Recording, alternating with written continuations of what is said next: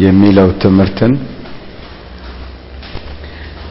ሁለተኛውን ክፍል ዛሬ እንጀምረዋለን። የመጀመሪያው ክፍሎችን ግን በነጻ ስለሆነ ትምህርቱ ውሰዱ።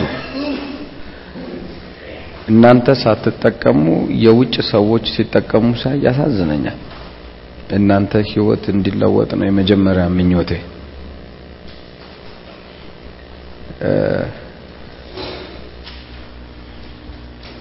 ማናችንም የጊዜ ሰዎች ነን። ደግሜ ላለው የጊዜ ሰዎች ነን። ጊዜው ካለፈ አትመልሰው። እግዚአብሔር ጊዜ ሰጥቶክ ሰው ሰጥቶክ ያስተምራል። ብትለምነው የማታገኘው ጊዜ ደግሞ ይመጣል። ስለዚህም አስተውለ ማድረግ ካለብህ የመጀመሪያው step የመጀመሪያው step ጊዜህን የመጠቀም ጉዳይ ነው። ጊዜው ደግሞ አሁን ነው። የተለያዩ ምክንያቶች ልትሰጥ ትችላለህ። ካልተማርክ ግን ልትሆን አትችልም።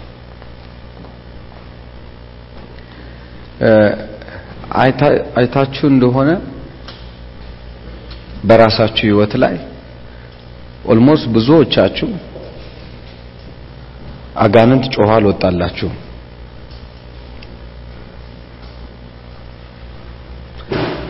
የስንፍና መንፈስ እንኳን ካለብህ ጮኸ አልወጣም። ነገረኛነት እንኳን ካለ ጮኸ አልወጣም።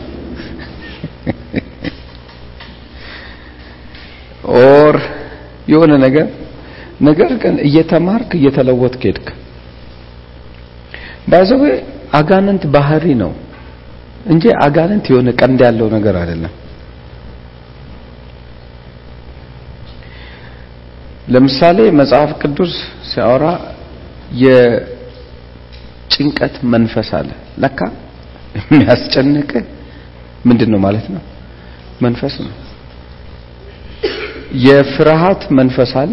የሚያስፈራ ምንድን ነው? መንፈስ ነው። የስድብ መንፈስ አለ። እንትን የሚያሰድብህ ምንድን ነው ማለት ነው? መንፈስ ነው። vocabulary ነው የሚሰጥህ ማለት ነው። ነገር ግን ጮኸ አልወጣም። ግን ከላይክ ላይ ድሮ የነበረው ሳታውቅ ተለውጠ ምን እንደሆነ አላቅም ተለውጫለሁ እንደተፈጠረ አላቅም ትላል። biblically ለብዙ ሰው የምመኘው ይሄኛውን part ነው። የስድብ መንፈስን ባስወጣልክ የስድብ መንፈሱ ወጣ ብለህ ከሄድክ በኋላ ውሎክ ስድብ ሰባት እጥፍ ሆኖ ይመጣል። ስለዚህ ነገር ግን በእውቀት ከወጣልህ ግን ለዘላለም ስድብን ትጠለዋለህ። ያወቀው ነገር አለ። ልክ እንደዛውም ደግሞ ይሄ ትምህርቶች እግዚአብሔርን የመፍራት የሚለው ትምህርት እግዚአብሔርን የመፍራት የሚለው ትምህርት በላይፍህ ውስጥ ዳግመኛ ማጣት የሚባል ውድቀት የሚባል እንዳታይ የመጀመሪያው ሴሽን ላይ አሳይቻለሁ። የፈለገ እግዚአብሔር ጸጋን ከምትለምን እግዚአብሔርን መፍራት ብትለማመድ ጸጋዎቹን በሙሉ ያመጣልሃል። ስለዚህ የሚሻለው ነገር እግዚአብሔርን መፍራት የተሻለ ነው። እግዚአብሔርን ስትፈራው የህይወት አቅጣጫ ይቀየራል። እግዚአብሔር ራሱ ስራውን ለመስራት ካንተ ጋር ይወጣል። መልአኮች እንኳን እንዲያገለግሉ የምትሆነው ምን ስትሆን ነው? እግዚአብሔርን ስፈራ መጽሐፍ ቅዱስ የሚለውን ተመልከት። እግዚአብሔርን የሚፈራ ሰው መልአክ በሱ ላይ ምን ይላል?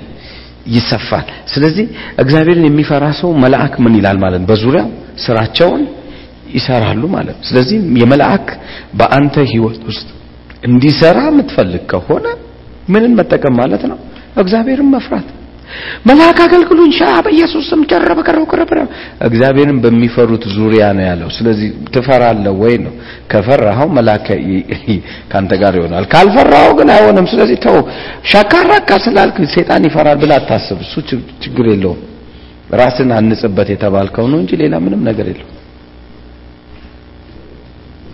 ስለዚህም ሁለተኛው ሴሽን የሚሆነው እግዚአብሔርን በመፍራት የምታገኛቸው ነገሮችን እስካላወክ ድረስ እግዚአብሔርን መፍራትን አታውቅም። በደምስ እግዚአብሔርን ስትፈራ የሚሆነው ነገር ምንድን ነው ሲል የሚመጡ ነገሮች አሉ ወደ አንተ። እነኛ ነገሮችን ስታውቃቸው easily ለምን እኔ ጋር ይሄ ነገር አልመጡም የምትላቸው ነገሮች እንድትጠይቅ ያደርግሃል። የአብዛኞቻችን ጥያቄ የምንለው ነገር አለ። ጸልያለሁ፣ ጾሜያለሁ፣ እንትን ብያለሁ፣ አድርግ የሚባለውን ሁሉ አድርጌያለሁ። ለምን ታዲያ አልሆነም? የብዙ ሰው የብዙ ክርስቲያን ጥያቄ ነው። የብዙ ክርስቲያን የህይወት ዘይቤ ነው ይሄ። ነገር ግን እግዚአብሔር ሲመልስ ያልሆነበት ምክንያት አለው እንጂ እንዲሆን ተደርጎ already ተወስኖልሃል። ለምሳሌ የልጁ ደም ከኃጢአት ምን ይላል ያነጻል ተብሎ ተጽፏል። ጸለይክም አልጸለይክም የልጁ ደም ምን ይላል ያነጻል። ወደ አንተ ግን ሲመጣ አንተ ይሄን ቃል ታምናለህ ወይ? አንተ ይሄንን ቃል ትቀበለዋለህ ወይ? አንተ በዚህ ቃል ራስህን ሰሚት አድርገህ አሁን ታጥቦልኛል ወይ ብለህ ንስሐ ትገባለህ ወይ? ንስሐ ከገባ እና ነፃ ነኝ ብለህ የምታምን ከሆነ ነፃ ትሆናለህ። አሁን አየ የልጁ ደም አለማጠቡ አይደለም፣ ወይም ደግሞ ሳያጥብ ቀርቶም አይደለም። ችግሩ ያለው personal ሰውየው የተቀባዩ ጋር ነው። ልክ እንደዛው ደግሞ መጽሐፍ ቅዱሳችን ላይ ስለ አማኝ እንዲሆንለት ተብሎ የተነገሩ ነገሮች እንዳይሆኑ ካደረጉት ነገሮች ውስጥ የተጻፉ ነገሮች አሉ። የተጻፉ ነገሮች አሉ። እነኚህ የተጻፉ ነገሮች ህይወትህን ነው ይዘውት የሚሄዱት። የመጀመሪያው የክርስቲያን ሰላማዊ አእምሮ እንዲኖረው ነው። ሰላማዊ አእምሮ ይህን በደንብ ተመልከት። ሰላማዊ አእምሮ ማለት የማይጨነቅ ሰው እንዲሆን ብሎ ነው እግዚአብሔር ክርስቲያንን ወደ ራሱ የጠራው። ድጋሚና የማይጨነቅ ሰው ሆኖ ነው። ግን የሚጨነቅ ሰው ከሆነ ግን እግዚአብሔርን መፍራት ጋር ሌላኛው ችግር አለ። እግዚአብሔርን መፍራት ጋር ሌላ ችግር አለ። ምክንያቱም he's protector እንደዚህ ብሎ ይናገራል። አእምሯችሁን ምን ይለዋል? ይጠብቀዋል። በምኑ? በሰላሙ አይደለም የሚለው መጽሐፍ ቅዱስ። አእምሯችሁን ምን ይላል? ይጠብቀዋል። ምኑ? በሰላም የሚያስጨንቃችሁን ሁሉ በሱ ላይ ጣሉት፣ እሱ ስለናንተ ምን ይላልና ያስባልና። ስለዚህ እሱ እንዳያስብ ያደረገው ነገር ሰላም ወደ አንተ እንዳይመጣ ያደረገ ነገር ሰሙዌር ላይ ካለ ብቻ ነው። ስለዚህ መጽሐፍ ቅዱሳችን ይህንን የሚገልጠውን እንመልከት። ምሳሌ ምዕራፍ 15 ምሳሌ ምዕራፍ 15 ው በኢየሱስ ቁጥር 16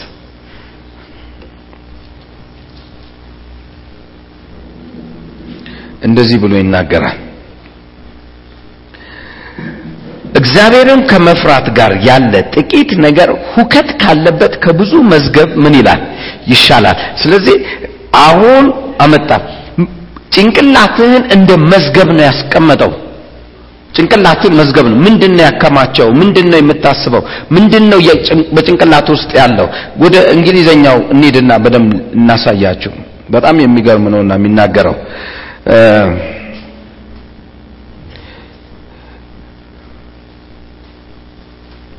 እንዲህ ይላል። ግሬት ትሬጀር ማለት ሀብትን መሰብሰብ ቅርስን መሰብሰብ። በደንብ ሀብትን ቅርስን መሰብሰብ።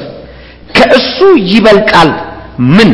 እግዚአብሔርን መፍራት ስለዚህ ማናቸውም ነገር ወደ mind peaceful ለማምጣት ነው. by the way ነገር ሁሉ የምትሰበስበው አእምሮን ለማሳረፍ እኮ ነው።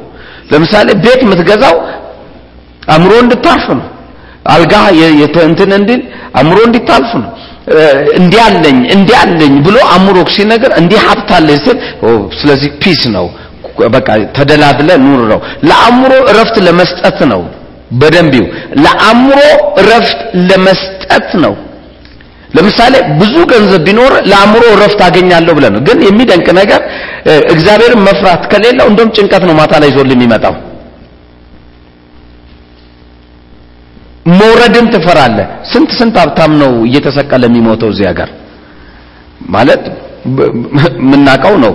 ስለዚህ አሉ የተባሉት አይደል? ተንጠልጥለው የሚሞቱት ምንድነው ሲባል መውረድ የሚባለው ነገር እንደ እንዴ ነገ ከነገ ወዲያ ባጣ ብለው ያስቡና ከዚህ አጥቼ ከምታይ ብሞትስ?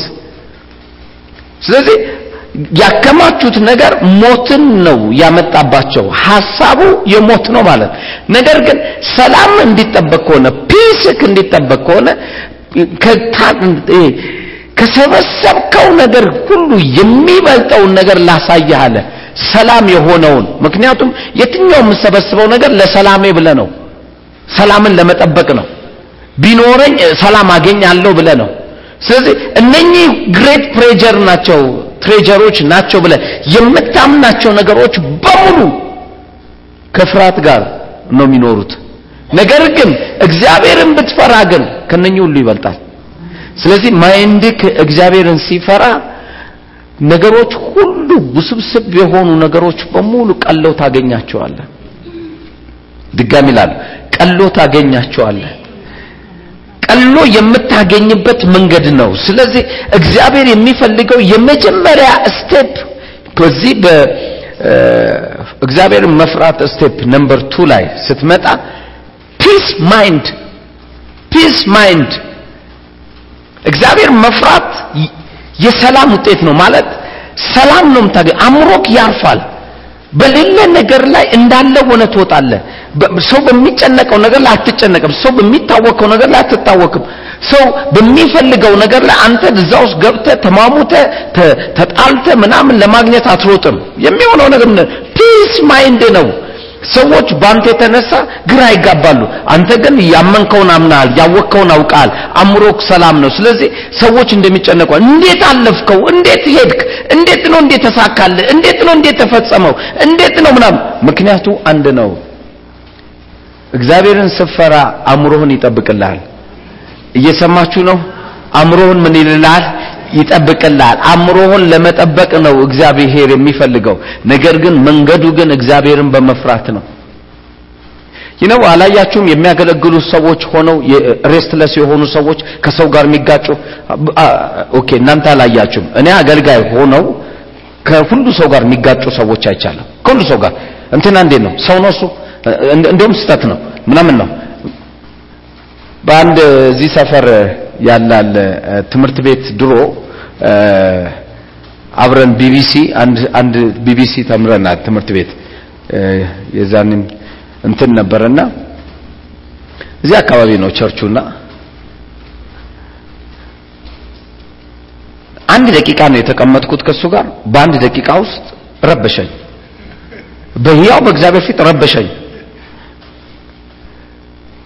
አስር የሚሆን አገልጋይ ጠራ አስሩንም ድራሻቸውን አጠፋ በውስጥ የሚለው አስራ አንደኛ እኔ ነኝ። በቃ አልቋል በአንድ ቀን ምተር እንዴ? ገርሞኝ ለኔ ወስማተው ይዙ ሰላም ነህ ግን እኔ ማቀ ድሮ እዛ ትምህርት ቤት እያለን ድሮ ሳቀ ሰላማዊ ሰው ነህ አሁን ዝም ብለህ እኮ ነው እንዴ? አስሩንም የጠራቸውን አስሮቹንም በቃ ፈጃቸው ስለዚህ I think something is wrong ውስጥ ብዬ በቃ ተለየው በኋላ የእዛ church የነበሩ ወደዚህ መታ አገኘዋትና አንዷ ልጅ ማቀው አልመሰላትምና እዚህ church ነበር መሄደው ምናም ምናም ብላ እሱ እሱ ምናም ብላ አንዳንድ ነገር ስታወራ ለምን peaceful mind እንዳልሆነ አገኘሁት። peaceful mind የምታገኘው እግዚአብሔርን በመፍራት ነው አለበለዚያ ሁሉ ነገር ያስጨንቃል። አሕዛብ እንደሚጨነቀው ለምሳሌ አሕዛብ ነገ ምን ይሆናል? ልጆቼ ምን ይበላሉ? ሰው- ምን ይለኛል? ምን ይለኝ ከድንቢጥ ትበልጣለህ ካለ ከድንቢጥ ምን ትላለህ? ትበልጣለህ። አስተሳሰብህ ለውጠው። ነገ ምን ይሆናል? እግዚአብሔርን መፍራት ማለት ኃጢአት መስራት እና ለመስራት ምናምን አይደል። እግዚአብሔርን መፍራት ማለት በዚህ በ mind ኡ በዚህ በሁለተኛው ክፍል peaceful mind ማግኘት ነው። ከህሊና ጋራ ነው የሚያያዘው። ከህሊና ጋራ ይያያዛል። ህሊናክ በቃ የተጠበቀ ይሆናል። የሚደንቀው ነገር ጳውል ጴጥሮስ የሚባል ሰው ማታ ላይ ትሞታለህ፣ ነገ ጠዋት ሞትህ ነው ተብሎ peaceful mind ኖሮት እንቅልፍ ተኝቶ ያድራል። ጳውሎስና ሲላስ ደግሞ ታስረው በሰንሰለት ታስረው እንትኑ እያላቸው እነሱ ይዘምሩ ነበር፣ እስረኞቹም በእነሱ ይጽናኑ ነበር። የሚደንቀው ነገር እነሱ ታስረክ ተጠፍንገክ ነገ torture ልትሆን ትችላለህ። ሌላ ነገር መጸለይ ነበረባቸው። ሄይ ሻራ በገረ በረበር ምናምን በቃ መቀወጥ ነበረባት። እነኚህ ሰዎች ግን መዘመር ነው፣ exalt ማድረግ ነው። peaceful mind ናቸዋ። እግዚአብሔርም ስትፈራው የሚጠብቅልህ አእምሮህን ነው። ደግሜ ላለሁ የሚጠብቅልህ አእምሮህን ነው። ሬስትለስ አትሆንም። ለምን ብትለም በውጤት እንድትደሰት ይፈልጋል እግዚአብሔር። በውጤት እንድትደሰት። እግዚአብሔርን መፍራት በውጤት መደሰት ነው እንጂ እግዚአብሔርን መፍራት እየተጨነቅ እየታወቅ ነገሮች ሁሉ ሰላም እየነሱ አንተ ደግሞ እንትላል ጌታ አለ በቃ። ጌታ አለ ማለት መሪ ነው የምትሆነው። ውጤት የሌለው በውጤት መደሰት አለብህ አእምሮ ካረፈ ውጤት አለ። አእምሮ ካላረፈ ውጤት የለም። restless ነው የምትሆነው። አትተኛም፣ አትወጣም። በአንድ ነገር ውስጥ ታስረ ነው የምትቀመጠው። wrong የሆነ አስተሳሰብ ውስጥህ ይሞላል። ስለዚህም መጽሐፍ ቅዱሳችን ምሳሌ 19ን እንመልከተው። ምሳሌ ምዕራፍ 19 ኦ በኢየሱስ ምሳሌ ምዕራፍ 19 ቁጥር 23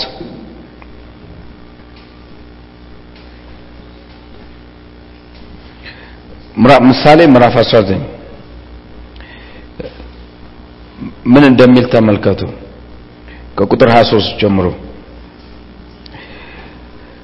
ሁለት አይን ሚዛን በእግዚአብሔር ዘንድ ምንድነው? አጸያፊ ነው። ቅድም ነግሬያ ባለፈው የመጀመሪያ ትምህርቴ ላይ ነግሬያቸዋለሁ። የመጀመሪያው ሁለት አይን ሚዛን የሚለው በዚህኛው ያለው የመጀመሪያው ትምህርቴ ላይ ስታስታውሱ መዝሙር 34 ላይ ሳስተምራችሁ የነገር ልጆች ሆይ ኑ እግዚአብሔርን መፍራት ምን አስተምራችኋለሁ። ሸንጋይ ምን አልኳችሁ? ሸንጋይ አንደበት። በዚህኛው ደግሞ ሁለት አይን ሚዛን ያ ማለት ምንድን ነው? ከአእምሮ ጋር የተያያዘ ነው። የኛው ሚዛኑ ያለው አእምሮክ ላይ ነው። ሁለት አይን ሚዛን ካለው አይን በእግዚአብሔር ዘንድ አጸያፊ ነው። ሐሰተኛ ሚዛንም መልካም አይደለም። ከሐሰት ጋር መተባበር፣ ከሐሰት ጋር መቆም በጣም ይገርመኛል። አንድ ጊዜ ልጆች ሆነን የዛሬ እንግዲህ ሀያ ምናምን ዓመት ማለት ነው። ሰው መንፈስ ነው፣ ነፍስ አለው፣ በስጋ ውስጥ ይኖራል። ትምህርት እንደ ጀብድ በሚወራበት ዘመን ማለት ነው እና የዛን ዘመን ላይ ሰው መንፈስ እንደሆነ obvious ነው። የሆኑ አገልጋዮች እንነጋገር እንነጋገር ብለው ከኛ ጋር የነበሩ ልጆች ነበሩ።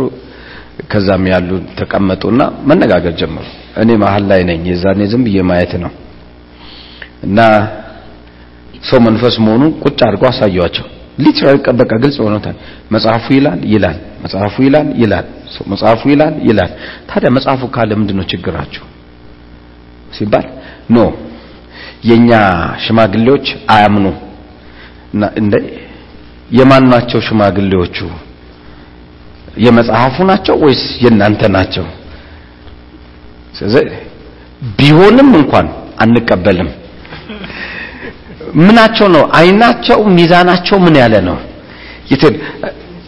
የተንሻፈፈ ሚዛኑን የጠበቀ ሰው በቃ አይደለም። ነው ነው ግን ምን አናምን። ልክ እንዳሁኑ ነው። እነ እንትና ስተት ናቸው። አዎ እነ እንትና ስተት ናቸው። እስቲ ስተታቸውን አሳይ። በቃ እነ እንትና አሉ የተንሻፈ ስለዚህ እግዚአብሔርን መፍራት በሌለበት ጊዜ ሚዛኑ የተንሻፈፈ ነው። ስለዚህ የእግዚአብሔር ውጤት አታይም። የእግዚአብሔርን እይታ ወይም የእግዚአብሔር ሰላም አእምሮ ውስጥ አያርፍም። ምክንያቱም እግዚአብሔርን አለመፍራት የጀመሩት። እግዚአብሔርን አለመፍራት ከጀመሩ ሰዎች ሚዛናቸው የተበላሸ ነው። ሚዛን የሚበላሸው አእምሮ ውስጥ ነው። ድጋሚ ነግራለሁ ሚዛኑ የሚበላሸው አእምሮ ውስጥ ነው mind ህ ነው game ኡን የሚጫወተው። እግዚአብሔርን መፍራት ከ mind ህ ጋር የተያያዘ ነው። ከ mind ጋር ስለተያያዘ የሚነግርህ ነገር ቢኖር የመጽሐፍ ቅዱሱ አስተሳሰብ እግዚአብሔርን በመፍራት የምትኖረው ኑሮ የተሻለ እንደሆነ ያምናል። ስለዚህም ሁለት ሚዛን በእግዚአብሔር ዘንድ አጸያፊ ነው። ሐሰተኛ ሚዛን መልካም አይደለም። ስለዚህ እግዚአብሔርን የማይፈራ ሰው ነው ሐሰተኛ ሚዛን ላይ የሚቀመጠው ሐሰተኛ ሚዛን ላይ የሚቀመጠው ማለት በራሱ መንገድ ይሄኛው right ነው ብሎ ይዛል በራሱ መንገድ ይሄኛው ትክክል ነው። በራሱ መንገድ ይሄኛው ከሁሉ ይበልጣል። በራሱ መንገድ ይሄኛው የተሻለ ነው። ለምሳሌ ኢየሱስን የሚጠራ ሁሉ ኢየሱስን የሚጠራ ሁሉ ምን ይላል?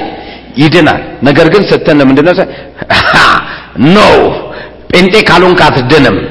ማን ያለው? ድርጅታችን ነው ያለው ለምሳሌ ስታወራ የነበረ እሷ ሀረር ላይ አሁን crusade ካረኩ በኋላ አገሩ መነጋገሪያ ሆኗል። በጣም በቃ መነጋገሪያ የሆነው አገሩ ላይ ምንድነው ሲባል እንዴ ሁሉን አቀፍ የሆነ ሰው እንዴት ሊኖር ይችላል? አንዱ ሰው ምንድነው ክር አስሮ ነው church ሄዶ ጌታን የሚቀበል ሲባል እሺ ብሎ ክሩ ይላል። ክሩን አስረህማ ንስሐ ልትገባ አትችልም። ሂድ ውጣ ብሎ አስወጥቶታል። እዛ ሀገር ያለ አሁን ከተማው በሙሉ ተይዟል በዚህ። ክሩን አስረ እንዴት ነው? ወይ ክር ለምን ሰንሰለት አታስርም ብራስ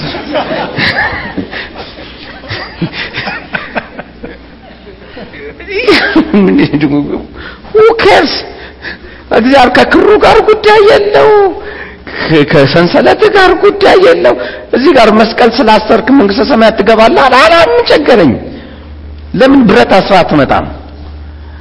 መጽሐፉ የሚለው የኢየሱስን ስም የሚጠራ ሁሉ ምን ይላል? በቃ አለቀ። እሹ ያለው ይድናል ነው በቃ። አሁን ምንድነው ሲባል ሚዛንክ የደፋ ነው። even በአገልግሎት እንኳን ሚዛን ምን ያለ ነው? የደፋ ነው። ምን አይነት ነው ሚዛን የደፋ? የምታምነው እኛ ምናምነው የጴንጤን እንትን ነው ነው doctrine ነው። እኛ መካነ ኢየሱስ ነን እኛ ጨቡዴ እኛ አየለነን እኛ ከበደንን እኛ ህያው ተስፋ ነን። በደንብ አስተውል። የ Bible ን system ኡን አስተውል። ሚዛን እግዚአብሔርን ሳትፈራ ስትቀር ነው ልንገራችሁ እውነተኛ የሆነ ታሪክ ልንገራችሁ። በ church ውስጥ የሆነ ነው እውነተኛ ታሪክ።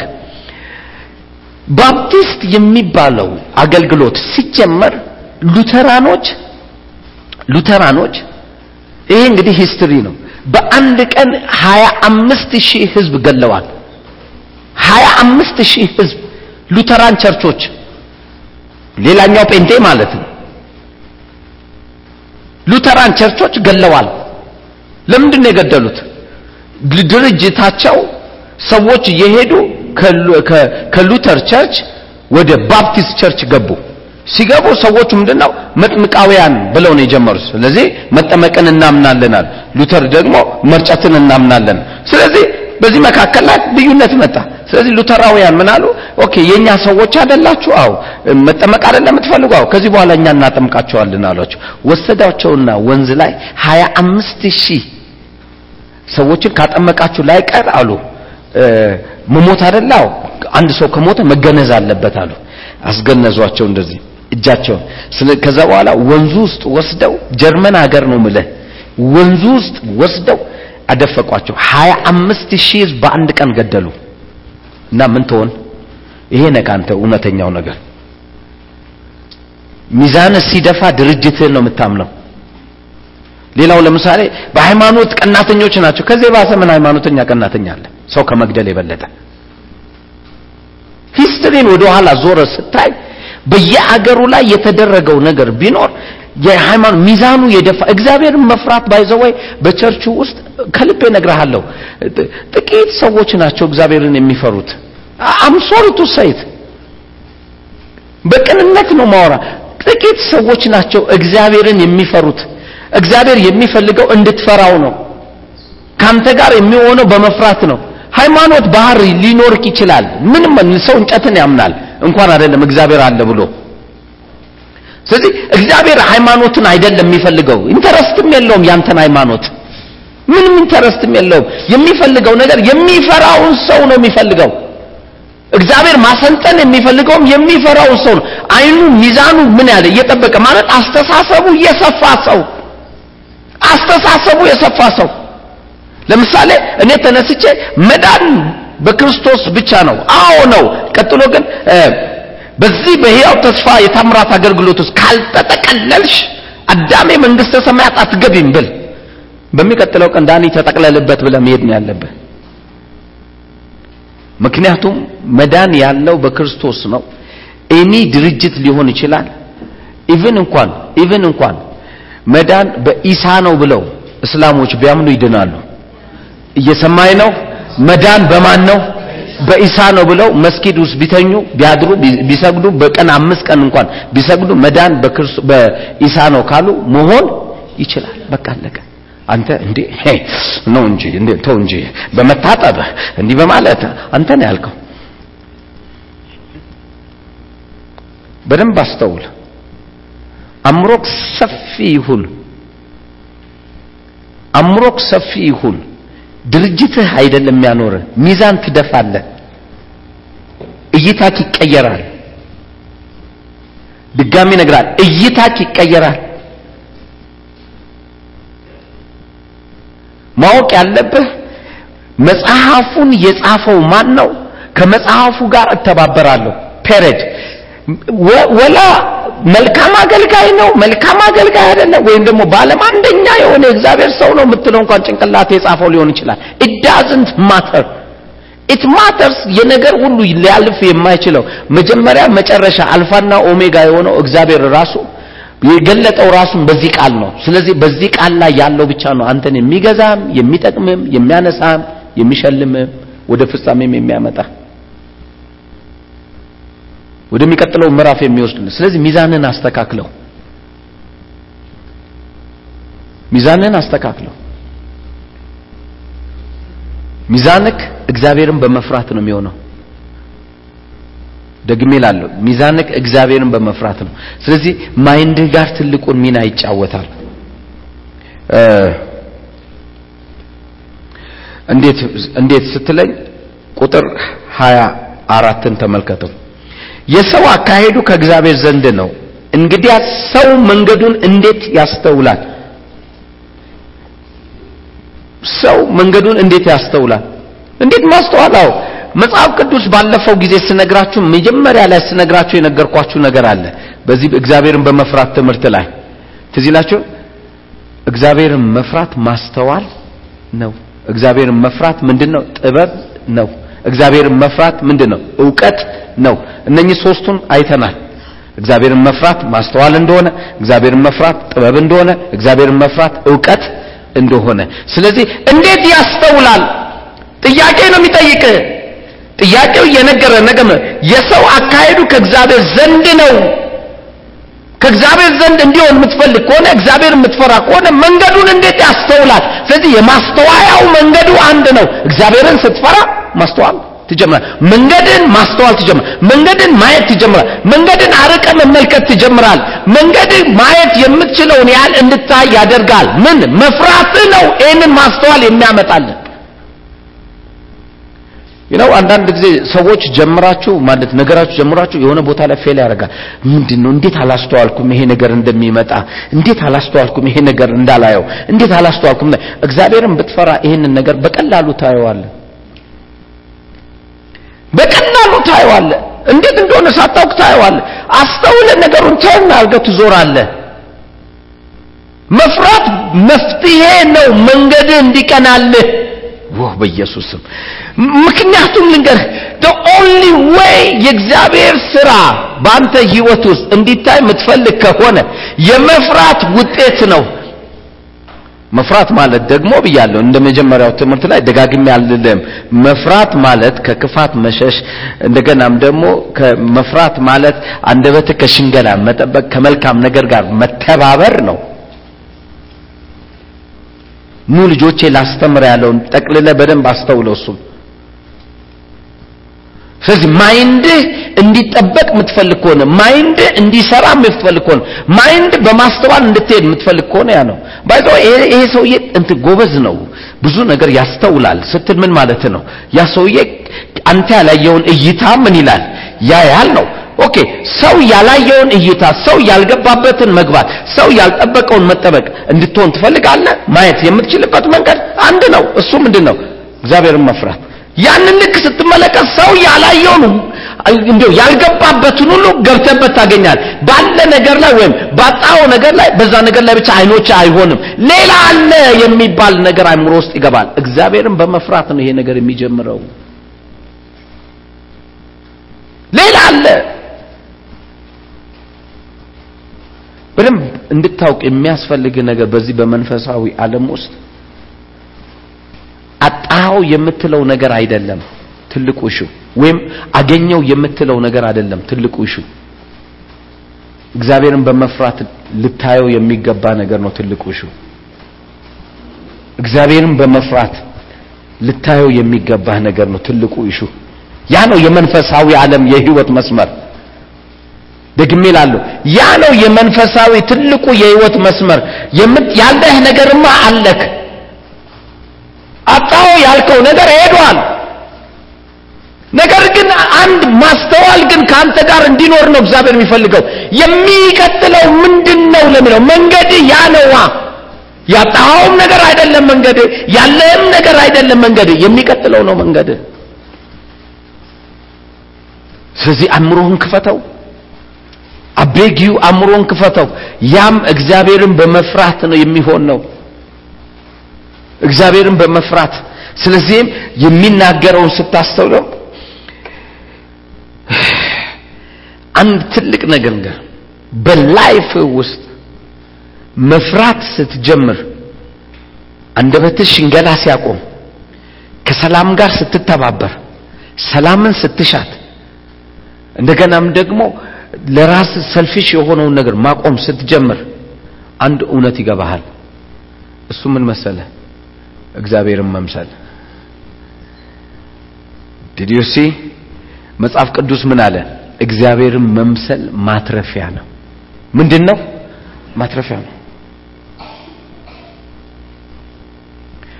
ጳውሎስ ሲናገር ምን አለ? እኔ እግዚአብሔርን ምን እንደምል እንደምመስል እናንተ ማንም ምሰሉ? እኔን ምሰሉ። ብዙ ነገር በላይፍ ላይ መልካም ሆኖ እንድታይ የምትፈልግ ከሆነ ፍራው። መፍራት ስትጀመር ህይወት ይለወጣል። ማለት የክብር ህይወት ትጀምራለህ በእውነት እነግርሃለሁ የክብር ህይወት ትጀምራለህ። ምዕራፍ 22 እንመልከት። ምሳሌ ጥሩ ስለሆነ አላቤት በኢየሱስ። ብዙ ሰው ይሄንን ነገር ይፈልገዋል። ነገር ግን የሚፈልገው ነገር ኪውን ግን አላገኘውም። የነገሮች ሁሉ መክፈቻ ባይዘወይ ጥበብን በለው እውቀትን በለው ማስተዋልን በለው። ሌላው በሙሉ ከነኛ ውስጥ የሚወጡ ናቸው። ማለት በገንዘብ ከመነገድ በምን መነገድ ይበልጣል አለ? በጥበብ መነገድ ይበልጣል ስለሚል። ሀብትም ከሚኖር ጠቢብ ብትሆን ሀብቱን ማምጣት እንደምትችል። ሁሉ ነገር ስሩ ያለው ጥበብ ነው። ስለዚህ የጥበብ ግን መጀመሪያው እግዚአብሔርን ምን ማለት ነው መፍራት ነው። ስለዚህ አሁን እንዲህ ብዬ ላስቀምጠው መጽሐፍ ቅዱሱ እንዳስቀመጠው። ትህትናንና ቁጥር አራት ምሳሌ ምዕራፍ 22 ቁጥር አራት ላይ ትህትናንና እግዚአብሔርን መፍራት በኢየሱስ ትህትናና እግዚአብሔርን ምን? መፍራት ባለጠግነት፣ ክብር፣ ህይወትም ነው በኢየሱስ አላባጂና ገዱስታ ትህትናና እግዚአብሔርም መፍራት ባለጠግነት ህይወትም ክብርም ነው። ለካ እግዚአብሔርን ብትፈራ ምን ታገኛለህ? ባለጠግነት ታገኛለህ፣ ህይወትም ታገኛለህ፣ ክብርም ታገኛለህ። አጠገብላለሁ እረ ሾርት ከት አለ ምን አዞረ በለው ነካ አድርገውና አለማወቅ እኮ ነው። ለምሳሌ ክብር ፍለጋ ሰዎች ለምን እንዲህ ይላሉ? እንዲህ ነው መሆን ያለበት፣ እንዲህ ነው መፈጠር ያለበት፣ እንዲህ ነው መደረግ ያለበት። እንትና ስህተት ነው፣ እንትና right ነው፣ እንትና wrong ነው፣ እንትና እንደዚህ ነው ምናምን አንተ ራሱ እነሱ ላይ ለመካብለ ብትሯሯጥ አንተ ደካማ ሰው ነህ። የሚገርመው ነገር ግን አንተ ትህትና ቢኖርህ እንደገናም ደግሞ ፍርሃት ቢኖር እግዚአብሔር መፍራት የሚገርመው ነገር ትልቅ ሰረገላ ደግሜ እነግርሃለሁ፣ ትልቅ ሰረገላ አለክ። ተመልከት፣ ያ ያ ሰውዬ ተመልከት። እግዚአብሔርን የሚፈራ ነበር ይላል። ያ ሞርዶኪዮስ የሚባል እግዚአብሔር ምን የሚል የሚፈራ ሰው ነበር። ስለዚህ even ንጉሱን እንኳን ከሞት አድኖት እንትን በሩ ስር ምን ይል ነበረ? ቁጭ ሊቀመጥ ነበር። ምንም ያ ሰውዬ በመቀመጡ ብቻ አበሳጨዋል። እኔ ስለሱ ሰውዬ አንድ ቀን እናወራለን። አልገባም። አንዳንድ ጊዜ የሚገርም ነው። ትህትና ያለው ሰው ገብቷቸዋል። ትህትና እግዚአብሔር የሚፈራ ሰው የትም ቦታ ቢሆን ምን ይላል?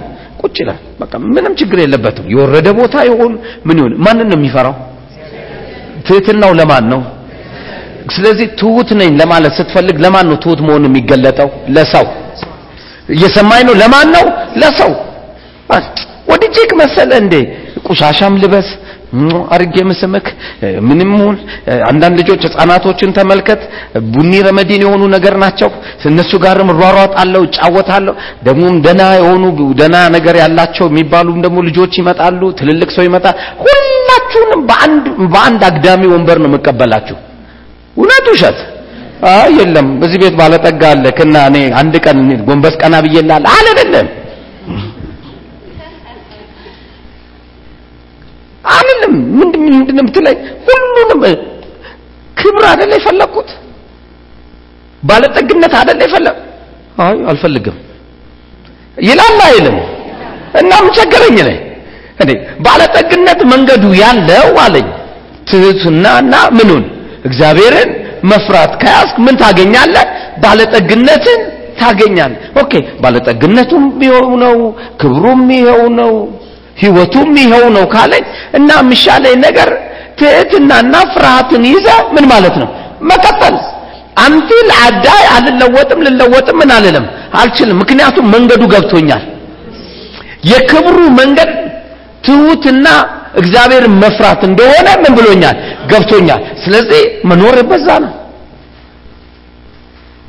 መኖር በዛ ነው Bible ያለውን ነው ለማለት የምፈልገው። Bible ያለውን ያንን follow up አድርጌ ውጤት ማምጣት ነው የምፈልገው። በዛ ነገር ተከትዬ መድረስ ያለብኝን በትህትናና በእግዚአብሔርን በመፍራት ብትሄድ መጽሐፍ እንዳለው ምን ታገኛለህ? ክብርን ታገኛለህ አለ። ክብርን ብቻ አይደለም ባለጠግነትን ታገኛለህ አለ። እሱም ብቻ አይደለም ህይወትም ታገኛለህ። ስለዚህ እነኚህ ሶስቱ የሰው ህይወት ደግሞ ያስፈልገዋል። ማን መናቅ ይፈልጋል? nobody ፔንቴዎች እንደሚሉክ እንዳልሆነ ወቅ እኔ soft ነኝ። ጠምዳዳ ጌታ ሆይ ቆርቆሮ ነኝ አሸንዳ ነኝ ሸምበቆ ነኝ። እኔ ምን አለ ቆሜ የቁት ባንተ ነው። የኔ ጌታ እንደው ያላንተ ባዶ ነኝ ምናምን ብለው ከዛ ውጪ በቃ ጌታ ሆይ ምናምን አንድ ሰው መጥቶ ነካ ያርገው። እግርን ሰብስብ ቅድም እኮ አሸንዳ ነኝ ምናምን ነኝ ቆርቆሮ ነኝ ኩርድ ፌስታል ነኝ ያለው በሙሉ ነኩኝ ብሎ ሰማይ ከምድር ሲጋጭ ታያለ ለካ ውሸት ነው ሰው የሚያወራ ነገር ውሸት ነው። እውነተኛው ነገር እግዚአብሔር ለክብር ነው የጠራክ። መጽሐፍ ቅዱስ ቆላሲያስ ላይ ነው አደለ ለክብር ተፈጠርን ያለው። ለምን ተፈጠርን ለክብር ይህ ተስፋ የሆነው ማን? ክርስቶስ። ይህ ተስፋ የሆነው ማን? ክርስቶስ። የምን ተስፋ ነው? የክብር ተስፋ። የዚህ ዓለም ሰዎች ምን ብሎባቸዋል? ተሰውሮባቸዋል። ለኛ ግን ምን ብለዋል ተገልጧል። የተገለጠው ማን ነው? ይህ የክብር ተስፋ የሆነው ክርስቶስ ኢየሱስ። ስለዚህ ለእኔ ክብሬ ነው ስለዚህ ክብሬ ከሆነ የክብሩ መንገድ ግን ዳንኤል ብሎ ሲነግረኝ ምናል ትህትናና እኔን መፍራት። ትህትናና እኔን መፍራት ነው ያለው። በቃ እሱን መፍራት ስጀምር ምንም ጥያቄ የለውም። ያው እግዚአብሔር ምስክሬ ወደ ክብር መምጣት አይቀርም። አልሆነም ብትል እንኳን በግድ ያከብረዋል። ሞርዶኪዎስ ብሏል እኔ ልቀመጥ በንጉስ ፈረስ ላይ ምናምን። no no ሰውየው ነው ልቀመጥ ያለው የሚገርመው ነገር ሰውየው በተነሳው ይሄ ሰውዬ ግን ትሁት ነው። እግዚአብሔርን ይፈራ የነበረ ሰው ነው። ስለዚህ ቁጭ ብሏል። ነገር ተነኮለው። ከዛ በኋላ ንጉስ ለሚወደው ምን ይደረግለት ሲባል ሰውየው አለ የምኞቱን ሁሉ። የኛው ሰውዬ ሞርዶኪዎስስ ፈረሱ ላይ ይቀመጥ አይቀመጥ ምን አስጨነቀው? ገብቶ እግዚአብሔርን በመፍራት ወደ ክብር መሄድ ምን አይልም? አይቀርም። ይህ በኢየሱስ ልሁን ብለ አይደለም። ዝም ብለ ፍራ። መንገዱ ይወስዳል። ብትጠላው መንገዱ ይወስድሃል ባትፈልገው መንገዱ ያስገባሃል። ውይ በኢየሱስ እንዴት ብዬ እንደማስረዳ! ይነው እኔ አንድ ቀን ኢትዮጵያ ሀገር ያለ ቤተ መንግስት ልግባ ጌታ ሆይ ልግባ ምናምን ብዬ ጸልዬ ምን አሞኛል ይኸው የኔ ቤተ መንግስት። ልብክ ከዛስ? ስንት ጊዜ ነው ጠርቶኝ የሄድኩት? ልብስ ሁሉ ገዝተውልኝ አይደል ያስገቡኝ? አንዱ ጊዜማ። ምክንያቱም ፕሮቶኮሉ wrong ነው አሉ። እኔን ስታየኝ ያው ቱታ እና አሁን እስቲ ጸልያለ። ለማ ብዬ ትሁቱን እግዚአብሔርን ፍራ። ጣራውን ትነቀዋለህ አይ አልገባም ፈረንሳኛ እንትናን ብተዋወቀው ይጠቅመኛል እርማለጂነ ገዙዛ ኔቨር አቶል that's why I don't like shortcut የሆነ መንገድን somebody ን ለማግኘት somebody እንደዚህ ምናምን no no no no no no no no no እግዚአብሔርን ፍራ ትሁት ሁን ለሚያስፈልግን መንገድ ላይ ሁሉ ይገናኘዋል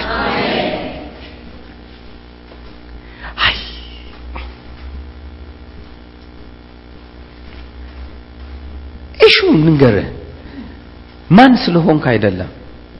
ይህን መንገድ ብትከተል ውጤታማ ሰው ትሆናል። በንጉስ ፈረስ ላይ ይቀመጥ ሰው የተመኘው ሁሉ አንተ ትሆናል።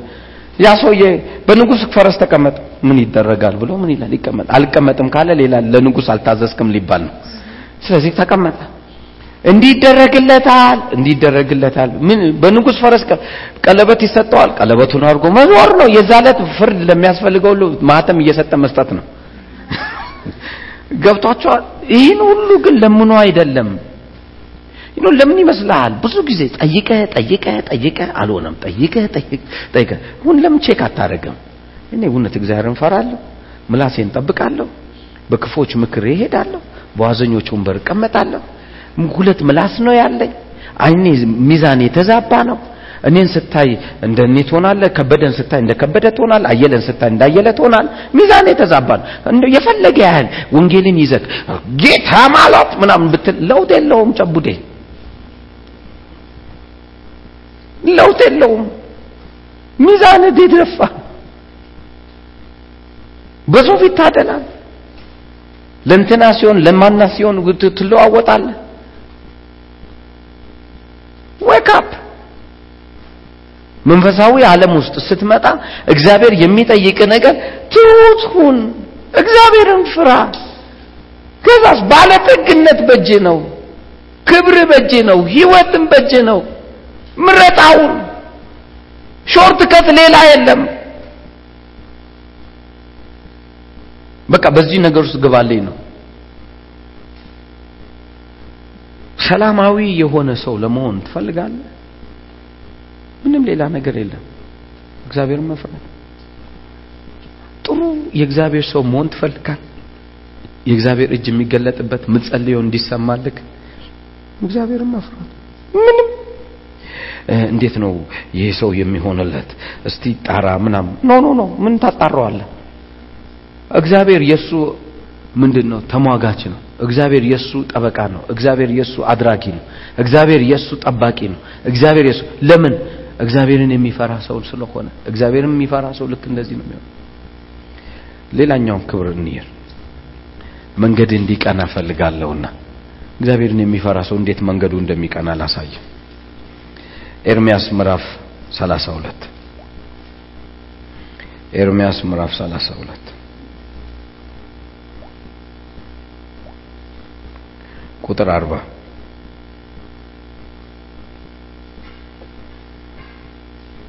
አላፊት እንዲህ ይላል እግዚአብሔርን የሚፈራ ሰው እንዲህ ይሆንለታልና ለእነርሱም ከማደርገው በጎነት አልመለስም ሲል በኢየሱስም።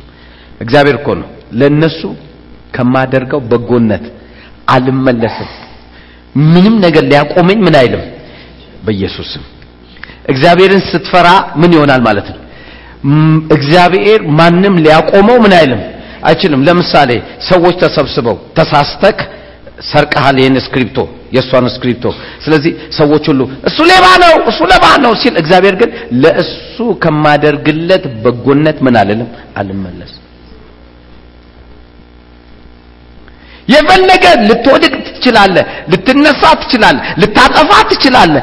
ነገር ግን እግዚአብሔር የምትፈራ ሰው ከሆንክ እኔ ነግራለሁ ለአንተ ከሚያደርገው በጎነት አይመለስም። even though እንኳን አጋንንቶች ተሰብስበው እንትን ሰይጣኖች እሱ ፊት ቆመው መቆም እንኳን ቢችሉ ቆመው እንኳን ኖ አይገባው ምናምን ቢሉ ለሱ ከማደርገው በጎነት አልመለስም። በኢየሱስ ስም አጠገብላለሁ እግዚአብሔርን ፈራለሁ በለው ነካ እግዚአብሔርን ፈራለሁ አልመለስ እግዚአብሔር እኮ ነው የሚለው። አልመለስም ስል ከነሱ ጋር የዘላለምን ቃል ኪዳን እገባለሁ። ከእኔም ከእኔም ዘንድ ፈቀቅ እንዳይሉ መፈራቴም በልባቸው ውስጥ ምን እላለሁ? አኖራለሁ። ለካ እነኚህ ሰዎች ለመባረካቸው እነኚህ ሰዎች ቃል ኪዳን የገባላቸው ምክንያቱ አንድ ነው። ምንድነው ሲባል መፈራቴ በእነሱ ውስጥ ስላለ ስለዚህ ከነሱ ይሄ ነገር እስካልተወሰደ እኔ ደግሞ ይሄን ነገር መስራት ስለምፈልግ መፈራቴን እለት እለት በእነሱ ውስጥ አስቀምጣለሁ።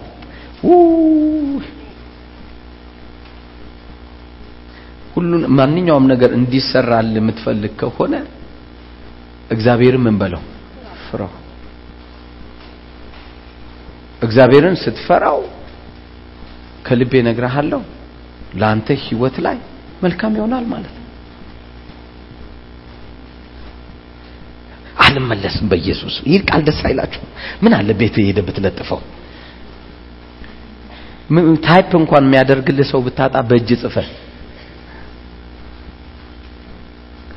ይኸው እግዚአብሔር ለነሱ ከማደርገው በጎነት ምን አልልም? አልመለስም አልመለስም። ማለት ብዙ እንዲመለስ የሚያደርጉ ነገሮች ሊኖሩ ይችላሉ ነገር ግን እግዚአብሔር አንድ ቃል ኪዳን ገባ። የሚፈራኝ ሰው ስለሆነ ምን አልልም? አልመለስም አልጸለየም አልለመንምና አይቀበልም የሚለው ጥቅስ እዚህ ሰውዬ ላይ ምን አይልም? አይሰራም። ለምን ብትለኝ አንድ ነገር ነው። እግዚአብሔር ምን አልመለስም ከበጎነቴ። ምክንያቱም ምን ይለኛል? ይፈራኛል። ድክመቱን አይመለከትም፣ ውድቀቱን አይመለከት። የሚመለከተው ነገር ይፈራኛል፣ እመልስለታል።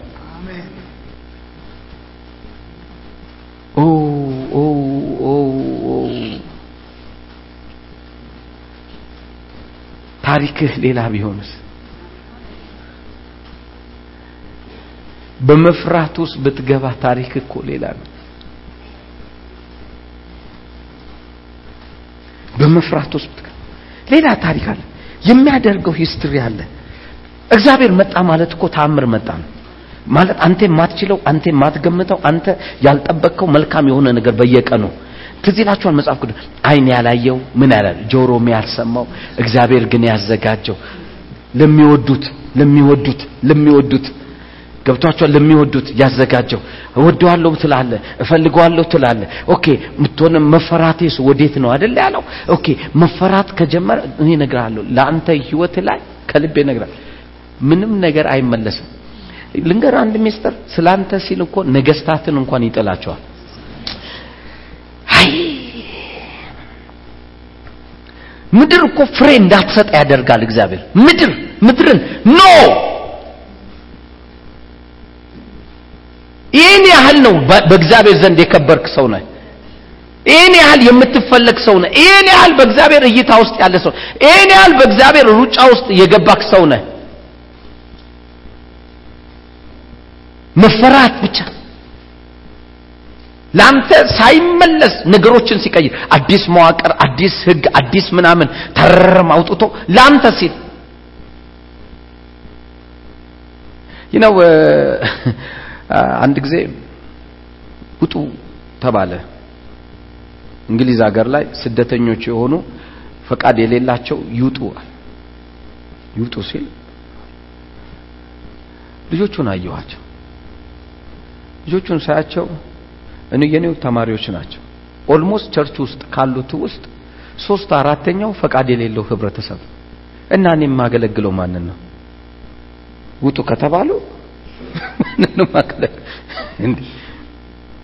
ከዛ ወደ ውስጥ አንድ ነገር መጣ። አንድ ወር እግዚአብሔርን መፍራት በሚል በየቀኑ ትምህርት ጀምራለሁ አልኳቸው። ትምህርቱ እግዚአብሔርን መፍራት ይሄ ፈቃድ የሌላችሁ ሰዎች ብቻ ነው አልኩ። እና ፈቃድ እንሰጣለን። የጨነቀው ህዝብ ስለሆነ ሁሉም ምን አደረገ? መጣ ከዛ እግዚአብሔርን መፍራት መፍራት ማስመጀው ልጆቹ በማህን ጀምሩ ኤቭሪ ዴይ ነው። ሰባቱንም ቀን። ከዛ እንዴ? መሀል ላይ አይዶን ሶስት ሳምንት ምናምን እንደቆየ ነው መሰለኝ። የወጣው ህግ ተሽሯል። ዲድሽ ምን ሆኖ ነው የቀየረው? እግዚአብሔርን መፍራት ስትጀምር ስለ አንተ ሲል ስለ አንተ መልካም ከማድረግ ምን አይልም? እዛ ፓርላማ ሄዶ ሁሉ የሚጨቃጨቅ ሰው ያስነሳላል ምን አገባ ብትለው እውነት ምንም አያገባውም ግን ይጨቃጨቅላል አይ! ነው የምልህ። በህይወቴ የገጠመኝ ብዙ ቦታ አለና ነው። አይተውኝ የማያውቁኝ ቦታ ማለት ነጮች ናቸው ምናምን ናቸው። ሄጄ አንድ ነገር ለማስፈቀድ ሲሄድ እንደዚህ ሰጥቼው አይሆንም ምናምን ያለው ሰውዬ ከዛ በኋላ አንደኛው እኮ ሌላ counter ላይ ቁጭ ብሎ እየሰራ ነው። ዞር ብሎ ለምን አይሆንም አልከው ይላል። እንዲህ ነው። መጨቃጨቅ ይጀም ከዛ አለቃ ይመጣል። ከዛ ና ግባ ተብዬ የኔ ጉዳይ ተፈጽሞ ወጣል። ምንም አያገባቸው ምንም። እግዚአብሔር ከልቤ ልንገር ስላንተ ይቆማል እኔ ነገርኩ። የለመድኩት በእኔ ህይወት ያለውን ነው ማስተምር ብያለሁ። ምንም ነገር ልነግር የምፈልገው የኖርኩትን ነው ልነግር የምፈልገው። የኖርኩበትን ነው ልነግር የምፈልገው። እንደዛ ሲሆን ነገር ሁሉ ይከፈታል። የሚዘጋ ነገር ልታይ ምን አትልም? አትችልም። አትችልም። ልታይ አትችልም። መንገድ ነው። መንገዱ ነው በራስ ጥበብ በራስ እውቀት በራስ ምናምን። እሱ ወንድሜ መሀል ላይ ትቀራለህ። መሀል ላይ ትቀራለህ። ከአንተ የባሱ ደግሞ ይመጡልሃል። አንተ ሶስት ማታለል ትችል ይሆናል። ሀምሳ የሚችሉ ከመጡ ምን ትሆን? ይውጡሃል። እግዚአብሔር ጋር ግን ብትሆን ስላንተ ይሟገታል። ራሱ እግዚአብሔር ስላንተ ይሟገታል። ራሱ እግዚአብሔር አዳዲስ መዋቅር ያወጣል። even ያልታሰበ ነገር ሰርቶ ያስቀምጥልሃል። መንገዱን አንድ ቀንም እንኳን አትስተውም። በኢየሱስ ስም ጮክ በልና አልስተውም በል እባክህ። እስኪ ልስተውም አልችልም በል እስኪ። እንዴት መንገድ ትስታል? ልትስት አትችልም። ልትስት አትችልም። አሚን ልትስት አትችልም። ምክንያቱም የሚባርክህ ከላይ ነው። ከላይ የሚመጣ የሁሉ ደግሞ ምንድን ነው? የበላይ ማለት ማንም ሊያዘው ምን አይልም።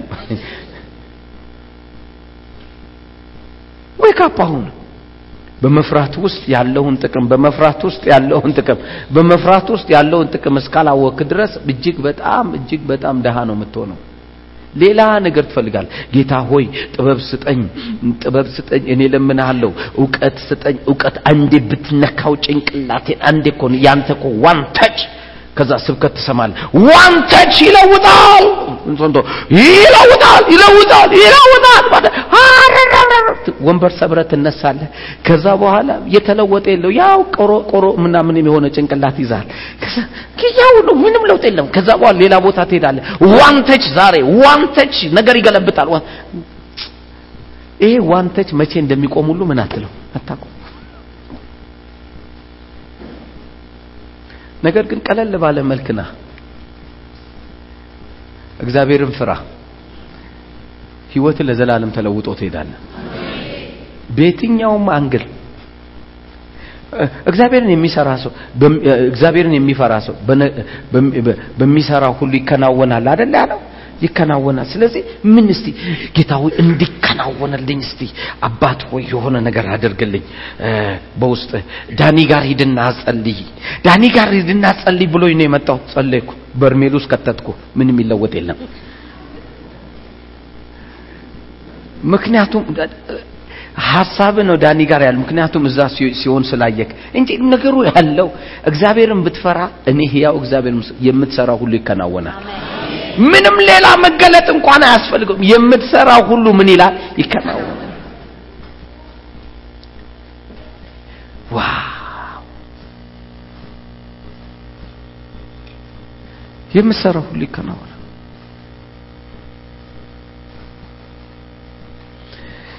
ደግሜ ላንብበው። ኤርሚያስ 32 ቁጥር 40 ለእነርሱም ለማደርገው በጎነት አልመለስም ሲል ከእነርሱ ጋር የዘላለም ቃል ኪዳን እገባለሁ ከእኔም ዘንድ ፈቀቅ እንዳይሉ መፈራቴን በልባቸው ውስጥ አኖራለሁ። አዱኝ ለካ የእግዚአብሔር ቃል ኪዳን በህይወት ፍጻሜ እንዲይዝ የሚያደርገው መፈራቱ። ንቃሁን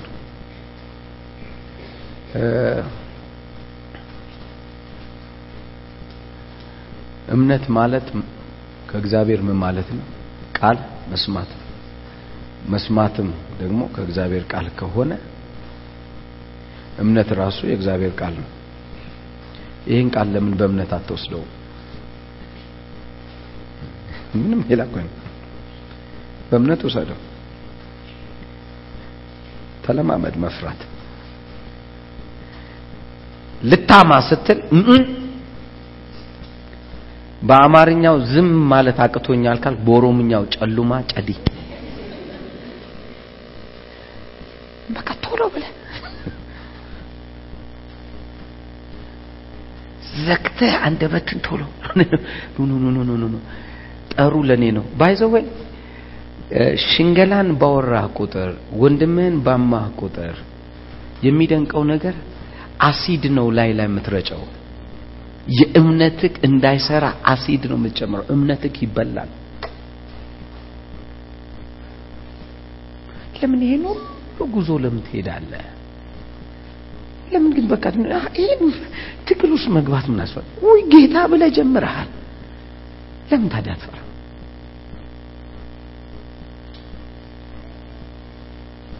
ለምን አትፈራ ነገርኩ ክሬፍሎ ዶላር የሚባል ሰውዬ አለ። ያ ሰውዬ በምንም ተአምር ሰዎች መጥተው ስለ ሰው አያወሩትም።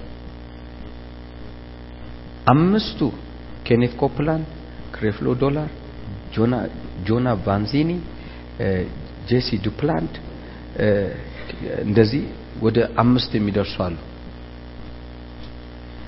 የስንፍና ወሬ ስታወራ በአንድ ቃል አምስት ፓውንድ ትከፍላል፣ አምስት ብር ትከፍላል በአንድ ቃል። ለምሳሌ የሚሆንልኝ አይመስለኝም፣ የሚሆንልኝ አይመስል የሚሆንልኝ አምስት ጊዜ አምስት ሀያ አምስት አይመስለኝም አይመስለኝም እሱ ደግሞ አራት አርባ አምስት ብር በእነኚህ ቃላቶች አርባ አምስት ብር ስንት ነው? ስድስት ነው የሚሆነው። ስድስት ጊዜ አምስት ሰላሳ አስበው ሀምሳ አምስት ብር ልተፋ ነው። የሚገርመው ላወራህላቸው ሰዎች ቁጥር ነው። አምስት ከሆኑ ለአምስቱም ሀምሳ አምስት ብር ትከፍል። ስለዚህ ጨሉማ ጨዲ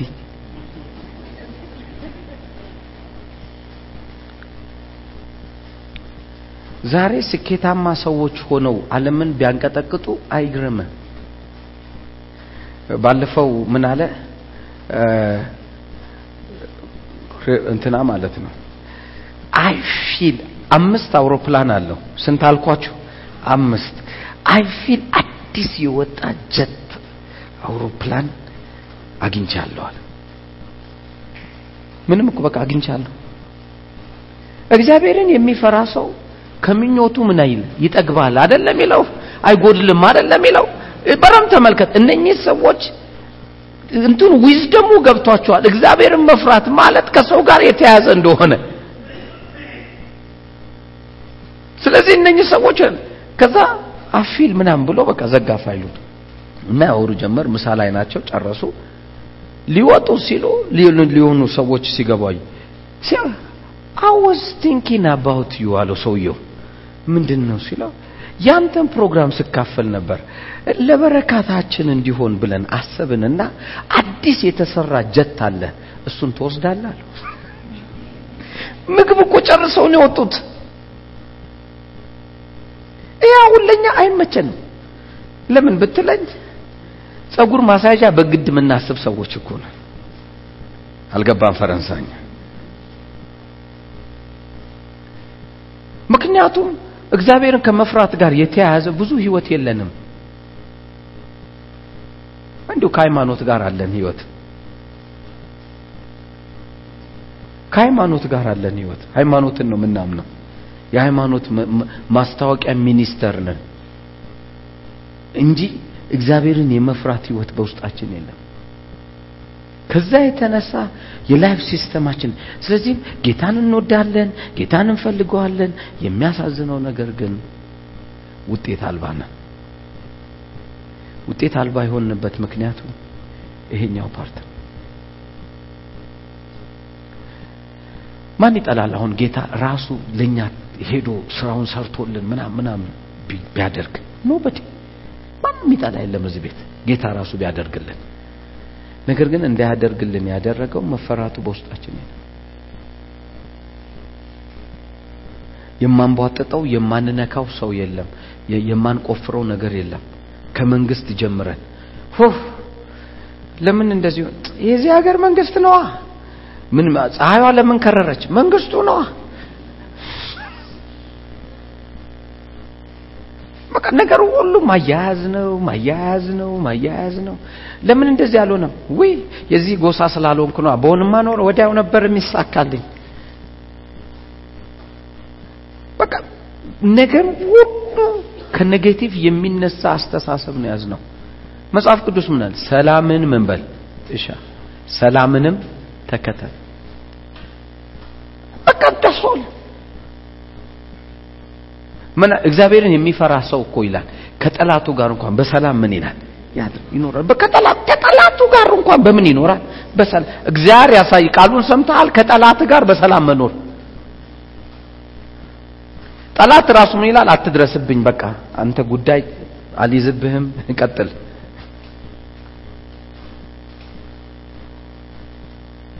wake up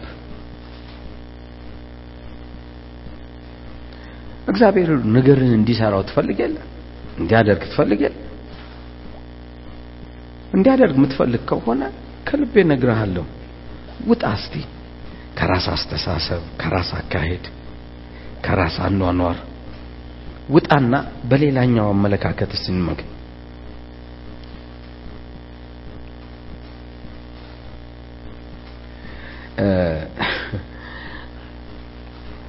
የንጉሱ ትእዛዝ ወጣ የግብፅ ንጉስ። ይሄ ይሄ part በጣም ልባችሁ ውስጥ ቢገባ ደስ ይለኛል። አዋላጆች ናቸው። አዋላጆች ናቸውና ንጉስ ግን ምን አለ? ማንኛውም እብራዊ ሰው ሲወልድ በደንብ ማንኛውም እብራዊ ሰው ሲወልድ አላማኝ የሆኑ ሰዎች ነው። ማወራ አሁን አላማኝ የሆኑ ሰዎች እግዚአብሔርን ግን የሚፈሩ እንዲህ አለ። ማንኛውም እብራዊ የሚወለድ ወንድ ከሆነ ግደሉ። ባትገድልስ? እገልሃለሁ ነው። የንጉስ ትእዛዝ ነው። እነኚህ ሰዎች ግን ፈሩ። ማንን ይላል እግዚአብሔርን ፈሩ። ስለዚህ አላደረጉም። ሪዋርዱን ተመልከተው። እግዚአብሔርን ቤቶቻቸው ሰራላቸው። በኢየሱስ እናንብበው። መጽሐፍ ቅዱስን እናንብበው። ዘጸአት ምዕራፍ አንድ። በኢየሱስ ዘጸአት ምዕራፍ አንድ። እግዚአብሔርን የሚፈራ ሰው እንዴት እንደሚደረግ ማለት ጸልዮ እኮ አይደለም። እነኚህ ሰዎች የሆነ እንዲህ ይላል እንዲህም ሆነ አዋላጆች እግዚአብሔርን ስለፈሩ ቤቶችን አደረገላቸው። ቤት እኮ ቤቶችን አበዛላቸው። በሌላ አነጋገር እግዚአብሔር ያደረገው ነገር ምንድን ነው ለነኚህ ሰዎች ብለ ስታይ?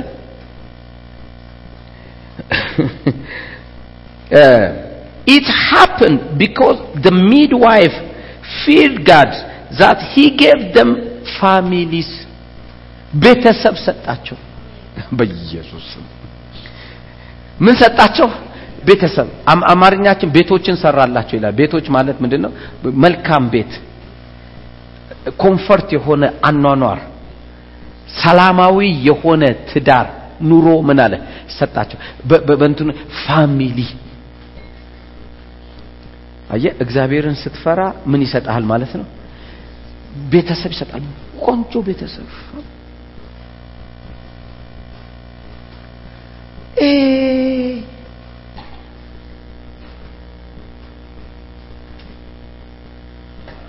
እዚህ ቤት ውስጥ ትዳር የምትፈልጉ ሰዎች ወንዶችም ሆነ እንዴት ነው ጌታ ሆይ እንዴት ነው የሚሆነው? እግዚአብሔርን ብትፈሪ እግዚአብሔርን ብትፈራ ቆንጆ የሆነው በመንገድ ላይ ይመጣል እንዳልጠየቀ ሰውማ ፈጣችሁ አትሁኝ በጌታ።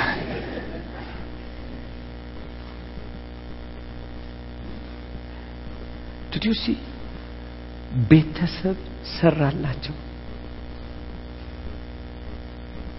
ቤተሰብን ስትፈራ የሚሆን ነው። ለግብፃውያን እኮ ነው የሆነው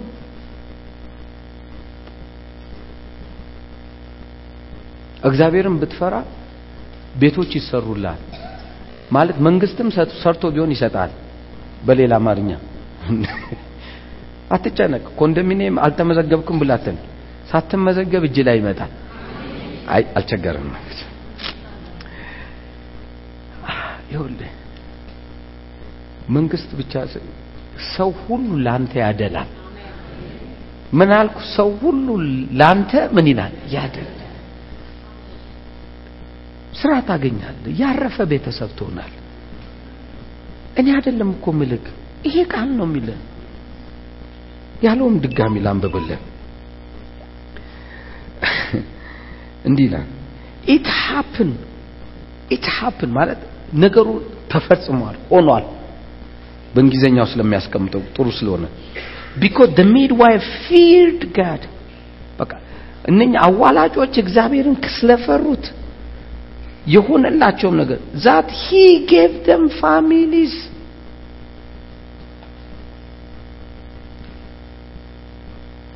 ቤተሰብ፣ ኑሮ፣ ትዳር ይሰጣል። ደስ የሚያሰኝ ቤት፣ አስፈላጊ የሆኑ ነገሮች ሁሉ ወደ አንተ ይመጣሉ። ማንም በመፍራት እግዚአብሔርን በመፍራት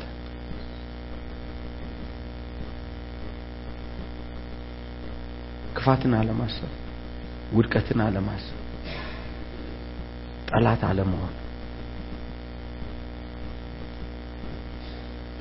የሚደንቀኝ ነገር ልንገራችሁ። ይህን ነግሬያችሁ ጨርስ። አንድ አረማዊ ነበረ አለ። ካህኑ መጣ። ሰውየው ተደብድቦ ወድቆ ነበረ። ካህኑም አየው። ምን አለ? አልፎትም ሄደ። ከዛ በኋላ ነብዩም መጣ። አይደለም ይለው አልፎትም ሄደ።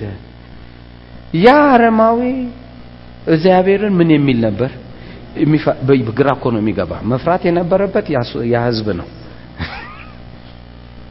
እግዚአብሔርን የሚፈራ ነበረ። አጠበውም፣ ቁስሉንም ወሰደ።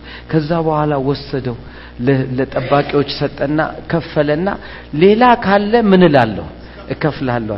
ማን ጻድቅ ሆኖ ተመለሳል? እግዚአብሔርን እዚህ ቤት ውስጥ ጌታ ኦ ኢየሱስ እግዚአብሔር ኢምፕረስድ ይሆናል ብለህ አይሞቀውም፣ አይበርደውም። ብረት አይሞቀውም፣ አይበርደውም።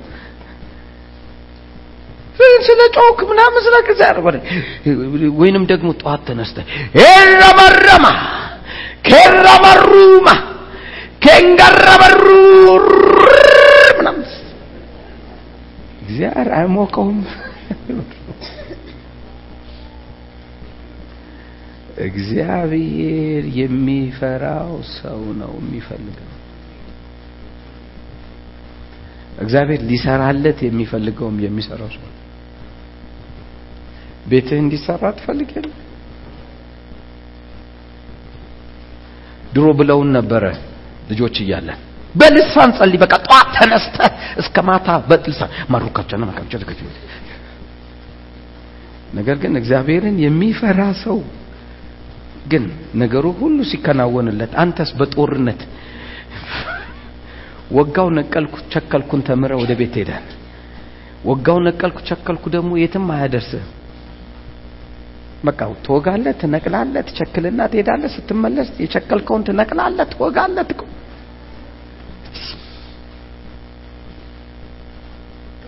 ጭንቅላት ብቻ ትልቅ ይሆናል። ይገባል። ጭንቅላት ትልቅ ማለት ሳይዙን አይደለም ማወራ በቃ ጭንቅሎ ብቻ ትሆናል። ውጤት አለ። እግዚአብሔርን ብትፈራ ትንሿ ነገር እግዚአብሔር ራሱ ይዋጋላል።